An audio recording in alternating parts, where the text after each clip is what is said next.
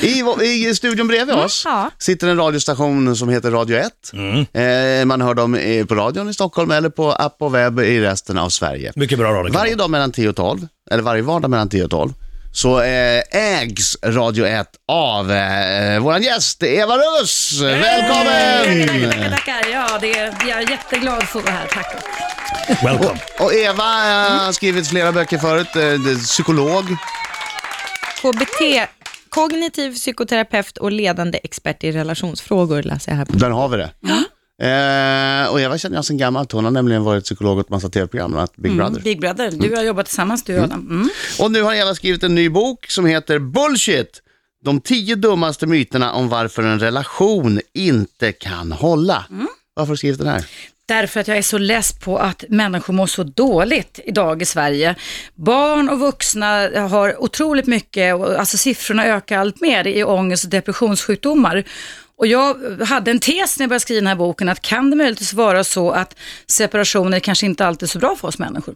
Och jag fick svar när jag plöjde igenom all möjlig litteratur och kunde hitta inom och utomlands, att separationer är inte alltid bra för oss människor, på hjärnnivå alltså. Inte alltid bra. Inte alltid bra, nej. Det kan vara bra. När kan det vara kan bra? vara bra när du har träffat en galning, en psykopat eller någonting annat. Då kan det vara väldigt, väldigt bra. Då ska man lägga benen på ryggen och dra. Men om man har träffat en, gjort ett noga urval, vilket de flesta gör idag, man kollar på bredden och på djupet och på längden och på tvären efter en bra partner. Och så går man ut till bekantskapskretsen och säger nu har jag hittat en perfect match. För det är det alla letar efter egentligen. Och sen när småbarnsåren kommer och eh, det, det blir lite, kanske karriären drar igång, så börjar man liksom alltså, dirigera om tankarna och känslorna mot andra objekt, mot andra situationer. Och plötsligt så ändrar sig ens uppfattning och värdering av parten till att det blir den mest operfekta matchen man någonsin haft. Och så skiljer man sig. Och så ger man sig ut igen och försöker hitta en ny partner. Och oftast är inte alltid gräset så mycket grönare än det var från första gången. Ja, en av de här tio sakerna är ju det här att eh, känslorna har dött eh, me- mellan varandra. Eh, men det säger du är bullshit. Det är Alltså, fullständigt bullshit. Känslor kan inte dö. De kan möjligtvis försvinna om du är medvetslös eller drabbas av en stroke eller ett slaganfall. Men när känslorna dör, när man säger så, eller kärleken tog slut, det är också sådana här vanliga myter som många par har. Då är det bara det att då har du omdirigerat dem och riktat dem mot andra saker. Till exempel som de moderna paren där båda gör karriär samtidigt. En smartphone. Det är klart som fan, klart som fan, en smartphone. Och det är klart som fan en kollega. Och det är klart som fan man kan alltså få känslor för helt andra saker. För känslor är åtgärdsprogram. Du, får, alltså, du, du värderar en situation och bestämmer dig för om jag ska tycka om den och tycker den är okej eller om jag tycker den är farlig och ointressant. Så det handlar bara om att du värderar om din partner och tycker att den är ointressant. Men hur gör man för att värdera tillbaks då?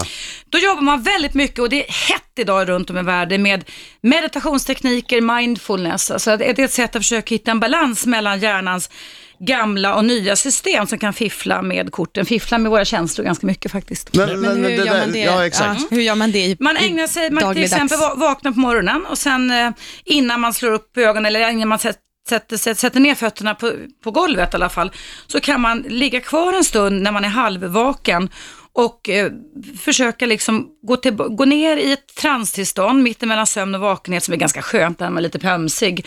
Och sen kan man då låta tankarna vandra lite kring mitt val av partner, hur kom det sig att jag gjorde det här, vad hade jag för skäl till att jag gjorde det här valet? Alltså aktivera den känslomässiga minnesbanken istället för att bara låta det bli som det blir. Och då kan ju en liten grej, om man bara låter det bli som det blir, så styr, reagerar hjärnan och kan överreagera väldigt snabbt. Men om man liksom ger sig själv lite medicin där på morgonkvisten så kan det faktiskt hjälpa till i alla fall. Men menar du man har- typ som en så här walk down memory lane? Alltså att man kanske kan fokusera på Ja. eh, så här, hur det var när man träffades Absolut, eller något absolut. romantiskt man gjorde då? Det var väldigt Ja. bra uttryck, walk down memory lane. Det var synd att inte jag skrev det, Britta. Men, men, det jag ska men det är alltså ett aktivt jobb man måste göra Jajamensan. om man känner att nej det här, Ja. om man tänker orden nej kärleken har tagit ja, slut. ja, det är ett aktivt ett jobb. aktivt jobb man måste göra Ja. för att väcka den kärleken Ja. Men man Och- kan alltid väcka den, det är det du säger. Man, kärlek dör inte, den omdirigeras. Så att jag, jag har ju ett kapitel där det är tio minuter sagt det att, att sluta älska någon är egentligen ganska svårt. Och ska man sluta älska en person, vilket många gör, inte kan, som är, till och med lever i dysfunktionella relationer,